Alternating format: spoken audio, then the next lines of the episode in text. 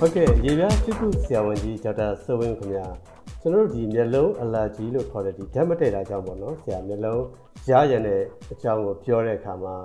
ပြီးခဲ့တဲ့တစ်ခေါက်တုန်းကတော့ဘာကြောင့်ဖြစ်ရတယ်ဒီဖြစ်ရတဲ့အကြောင်းရင်းတွေနောက်လက္ခဏာတွေနဲ့ဒီဖြစ်လာလို့ရှိရင်ဒီလက်တလောပေါ့နော်ဟိုမျက်လုံးကိုပုံမိတာမျိုးတို့နောက်ဘလို့ဆေးလိမ့်ထားတဲ့ဆိုတာမျိုးတွေကိုကျွန်တော်တို့အဓိကပြောခဲ့ကြပါတယ်ဆရာကြီး ဒီတစ်ခေါက်တော့ဆရာကြီးဒီမျက်လုံးကိုစနစ်တကျကုသနိုင်မှုအကြောင်းကိုအသေးစိတ်ပြောမှာဖြစ်ပါတယ်ဆရာအဲ့ဒါအပြင်ဒီဖြစ်တာနဲ့အောင်နောက်ပြန်မဖြစ်အောင်လုပ်နိုင်တဲ့နည်းတွေကိုပါထည့်ပြမှာဖြစ်တဲ့အတွက်ကုသမှုနဲ့ပတ်သက်ပြီးတော့စပြောပြပေးပါလားဆရာကြီးအဲကုသမှုကတော့အဲ့ဒီဒီဖြစ်တတ်တဲ့ဥစ္စာကိုကိုသိတယ်ဆိုရင်အဲ့ဒါနဲ့ထိတွေ့မှုရှောင်လိုက်ဖို့ဒါမှဆက်ဖြစ်နေတာရပ်သွားမယ်အဲဖြစ်ပြီးသားဥစ္စာအတွက်ဆိုရင်တော့အဓိကအနေနဲ့ဒီမျက်လုံးလေးကိုထည့်တဲ့အဆက်ချစီခေါ်တာပေါ့နော် eye drop တွေပေါ့ အဲ့ဒီဆက်ချဆေးတွေမှာ အရားပြောက်ဆေးတို့အယောင်ကျဆေးတို့ ခုနပြောတဲ့ muscle ကို ထိန်းတဲ့ဆေးတို့ အဲ့ဒါတွေ ပါဝင်တယ် အဲ့ဒါဆိုရင် muscle တွေက ထုတ်လွှတ်တာတွေ ရပ်သွားလိမ့်မယ် အလာဂျီတက်တာလိမ့်မယ် အဲ့ဒါနဲ့ အဓိကကုတယ် နောက် တခြားသုံးတဲ့ ဆေးရည်တွေလည်း ရှိတယ် မျက်စိနဲ့ ထည့်တဲ့ဥစ္စာမျိုး မျက်ရည်ကျူလိုမျိုး ဆေးရည်တွေပေါ့ ဘာမှမပါဘူး မျက်ရည်လိုမျိုး lubrication ခေါ်တဲ့ ချောမွေ့နေအောင် လုပ်ပေးတာပေါ့ အဲ့ဒါတွေထည့်ပြီးမျိုးလုံးထဲကမတည့်တာတွေကိုရေနဲ့ရှင်းထုတ်တဲ့ပုံစံမျိုးပေါ့နော်နောက်တစ်ခါသူကမျိုးလုံးကိုလည်းဆူဆွတ်စေတယ်ဟုတ်ကဲ့ဆရာအဲ့တော့နောက်ထပ်ရောကုသနိုင်တဲ့အနေအထားတွေရှိသေးလားဆရာနောက်တစ်ခါဟိုသွေးကြောတွေကျယ်နေတဲ့အတွက်ညီရဲနေတဲ့အတွက်သွေးကြောကျင်းတဲ့ဆေးရည်ပေါ့ဒီ congestant လို့ခေါ်တယ်အဲအဲ့ဒီကောင်တွေလည်းမျက်စင်းအနေနဲ့ရှိတယ်အဲ့ကောင်တွေကညီရာရော့စေတယ် ဒါပေမဲ့ ကြာရှည်သုံးလို့တော့ မကောင်းဘူးပေါ့နော် အဲ့တော့ ဒီလိုမျိုးရှိတဲ့မျိုးမျိုးထဲထဲမှာ ဘယ်လိုဟာမျိုး သုံးရမလဲဆိုတာတော့ ဆရာဝန်က လက္ခဏာတွေကြည့်ပြီးတော့သုံးဖြတ်တာဖြစ်ပါတယ် နောက်တစ်ခါ အဲ့ဒါနဲ့မှဟိုဖြစ်တာဆိုးတယ် ပိုလည်းမြန်မြန်ပြောင်းအောင်ဆိုရင်တောက်ဆေးတွေလည်း သုံးတတ်တယ်တောက်ဆေးတွေကလည်း အဲ့လိုပဲဒီအရာပြောက်ဆေးတွေပေါ့ အရာပြောက်ဆေးတွေကအဲ့မတ်ဆဲတွေကို ထိန်းတာ哦နောက်တစ်ခါ ရောင်တဲ့အတွက်အယောင်ကျဆေး အဲ့ဒါကြီးလည်း ပေးတတ်တယ်အဲ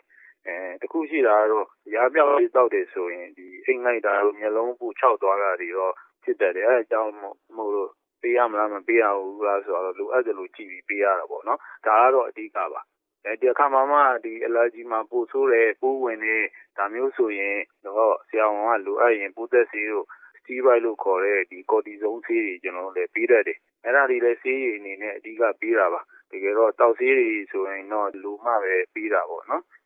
တကယ်လို့မျိုးလုံးထဲမဟုတ်ဘဲနဲ့မျက်ခုံရည်ပြားအဲ့လိုမျိုးမျက်ခုံအပေါ်မျက်ခုံမျိုးလုံးတစ်ဝိုက်ဒီအတွက်ရာ allergy ဖြစ်တယ်အဲ့နေရာတွေမှာပါရာနာတွေမတည့်တာတွေဖြစ်နေတယ်ဆိုရင်တော့လိမ့်စေး cream လေးတွေကိုအဓိကပေးတယ်အဲအဲ့မှာမှတခါမျက်လုံးကပါးလွှာတဲ့နေရာဖြစ်တဲ့အတွက်ကြောင့်မလို့ပြီးတဲ့စီကအပြော့ဆုံးဖြစ်ရမယ် ဆိုတာကိုပြင်းအားကိုအထူးယူဆိုင်ပြီးပေးရပါတယ်အပြော့ဆုံးကိုသုံးရမယ်ပြီးရင်လိမ့်ရင်လည်းရက်အနည်းငယ်ပဲနှစ်ရက်သုံးရက်လောက်ဆိုတက်တာသွားကြတဲ့အတွက်ကြာကြီးလိမ့်လို့မရဘူးအဲ့ဒါလေးတွေကိုလည်းမှားရမယ်အဲဒါတွေနဲ့ပဲကောင်းတော့ကြတာများတယ်အဲ့တော့ထိုးသေးလုံလားဆိုပြီးတော့လည်းမေးခြင်းမေးလို့ရတယ်အဲ့တော့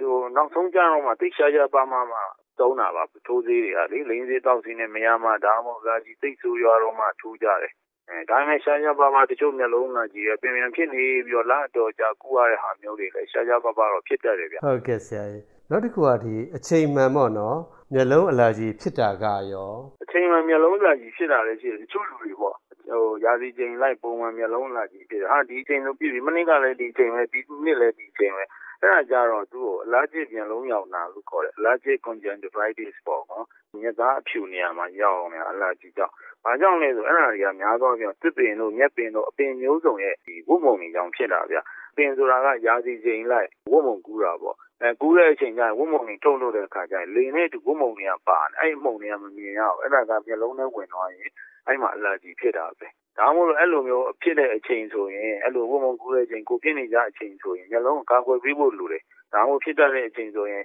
ပင်ထွက်တာလျှော့တာမျိုးလို့ နောက်တစ်ခါနေကမျက်မှန်တက်တာမျိုးလို့နေကမျက်မှန်ဆိုရင်ခက်ကြီးကြီးပေါ့ဗျာအပေါ်အောက်ရောမျိုးလုံးတစ်ဝက်ကိုကောင်းကောင်းလေးအုပ်တဲ့နေကမျက်မှန်တက်တာမျိုးလို့အဲ့လိုမျိုးလုပ်ပြီးတော့ရှောင်ကျဉ်လို့ရပါတယ်ဟုတ်ကဲ့ဆရာကြီးအဲ့တော့အခုလိုဒီမျိုးလုံးအလာကြီးပေါ့နော်ဓာတ်မတည့်လို့ရရနာဖြစ်လာပြီဆိုလို့ရှိရင်ဒီဖြစ်တာနည်းသွားအောင်ဒါမှမဟုတ်လို့ရှိရင်လည်းဖြစ်ပြီးတော့ပြန်မဖြစ်အောင်ပေါ့ဆရာနော်လုံနေတဲ့နီလန်းတွေရောရှိလားဆရာရှိပါတယ်သူကကိုကတော့စုံတော့လိုမျိုးမျိုးလုံးဖွင့်ပြီးတော့စိတ်ကိုဖွင့်ပြီးတော့စူးစူးဆန်းဆန်းလေးနဲ့နေရမှာပေါ့နော်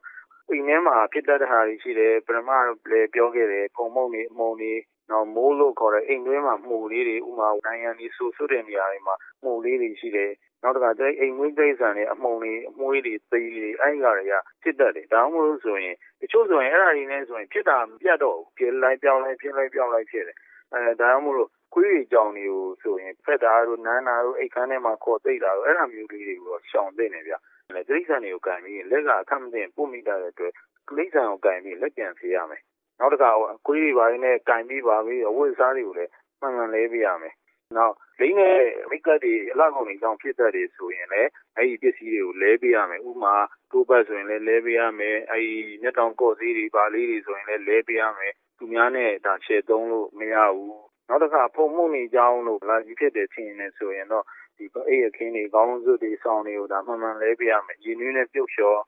ကျမ်းမြေကို ရေပန်းအဝတ်နဲ့ mob လုပ်တယ်ခေါ်တော့မှန်မှန်တိုက်ပေးရမယ်တန့်ရှင်းလုပ်ပေးရမယ် ဒီပစ္စည်းလဲတာမျိုး မလုပ်နဲ့ ဒီပစ္စည်းလဲရင် ဖုံနေအမှုန်နေလွင့်နေပူဆိုးတတ်တယ် အဲ့တော့တိတ်သွားအောင်လို့ ရေပန်းတိုက်တာမျိုးက ကောင်းတယ် အဲ့လိုမျိုးအနေနဲ့ကျန်းတိုက်ပေးရမယ် မှန်မှန်လုပ်ပေးရမယ် နောက်နောက်ဆုံးတော့အဲ့မိုးပေါ့ အဲ့မိုးဆိုတဲ့ဥစ္စာလည်း အဖြစ်များတယ် ဒါက ကိုကမသိဘူးပေါ့နော်ဥမာ ကမုံးပင်တွေ ကိုကအိမ်ထဲမှာ စိုက်တယ်ဆိုရင် ရေလောင်းတယ် ရေလောင်းတဲ့အခါမှာဆူဆူကရှိနေပြီးတော့ အပြင်အဲ့မှာ အိမ်ထဲမူလေးတွေ ရှိနေတတ်တယ်ဆိုပြန်တဲ့နေရာတွေမှာ ရှိနေတတ်တယ် အဲ့တော့ အဲ့လိုမျိုးဟိုနောက်တစ်ခါ အစားအသောက်တွေမှာ မှုတဲ့ရင် တွေ့ရတယ်လို့မျိုးပေါ့ဗျာ အဲ့မှုလေးတွေက ရေချိုးခန်းတွေ မီးဖို့ဘေးစင် အဲကွန် စတာတွေမှာ တွေ့ကပ်နေတတ်တယ် အဲအဲ့လို မိုးရစီလိုမျိုးဆူလိုက်ချောက်လိုက်ချိန်ကြရင်ပူဆိုးရဒါမှမဟုတ်အဲ့လိုအချိန်ကြရင်တန့်ချင်းကို ခါတိုင်းတဲ့အချိန်များများပူလုပ်ပေးရမယ် နောက် အဲကွန်စကားတွေမှာဆိုရင်ဒီမှုမဝင်တဲ့ လေစစ်စကားတွေ ပြောင်းတက်ပေးရမယ် အဲ့ဒါမျိုးဆိုရင်တော့ ပို့ပြီးတော့ ကောင်းပါတယ် ပြန်ဖြစ်တာကိုလည်းရော့နိုင်ပါတယ် ဟုတ်ကဲ့ ကျေးဇူးများတင်ပါတယ်ဆရာ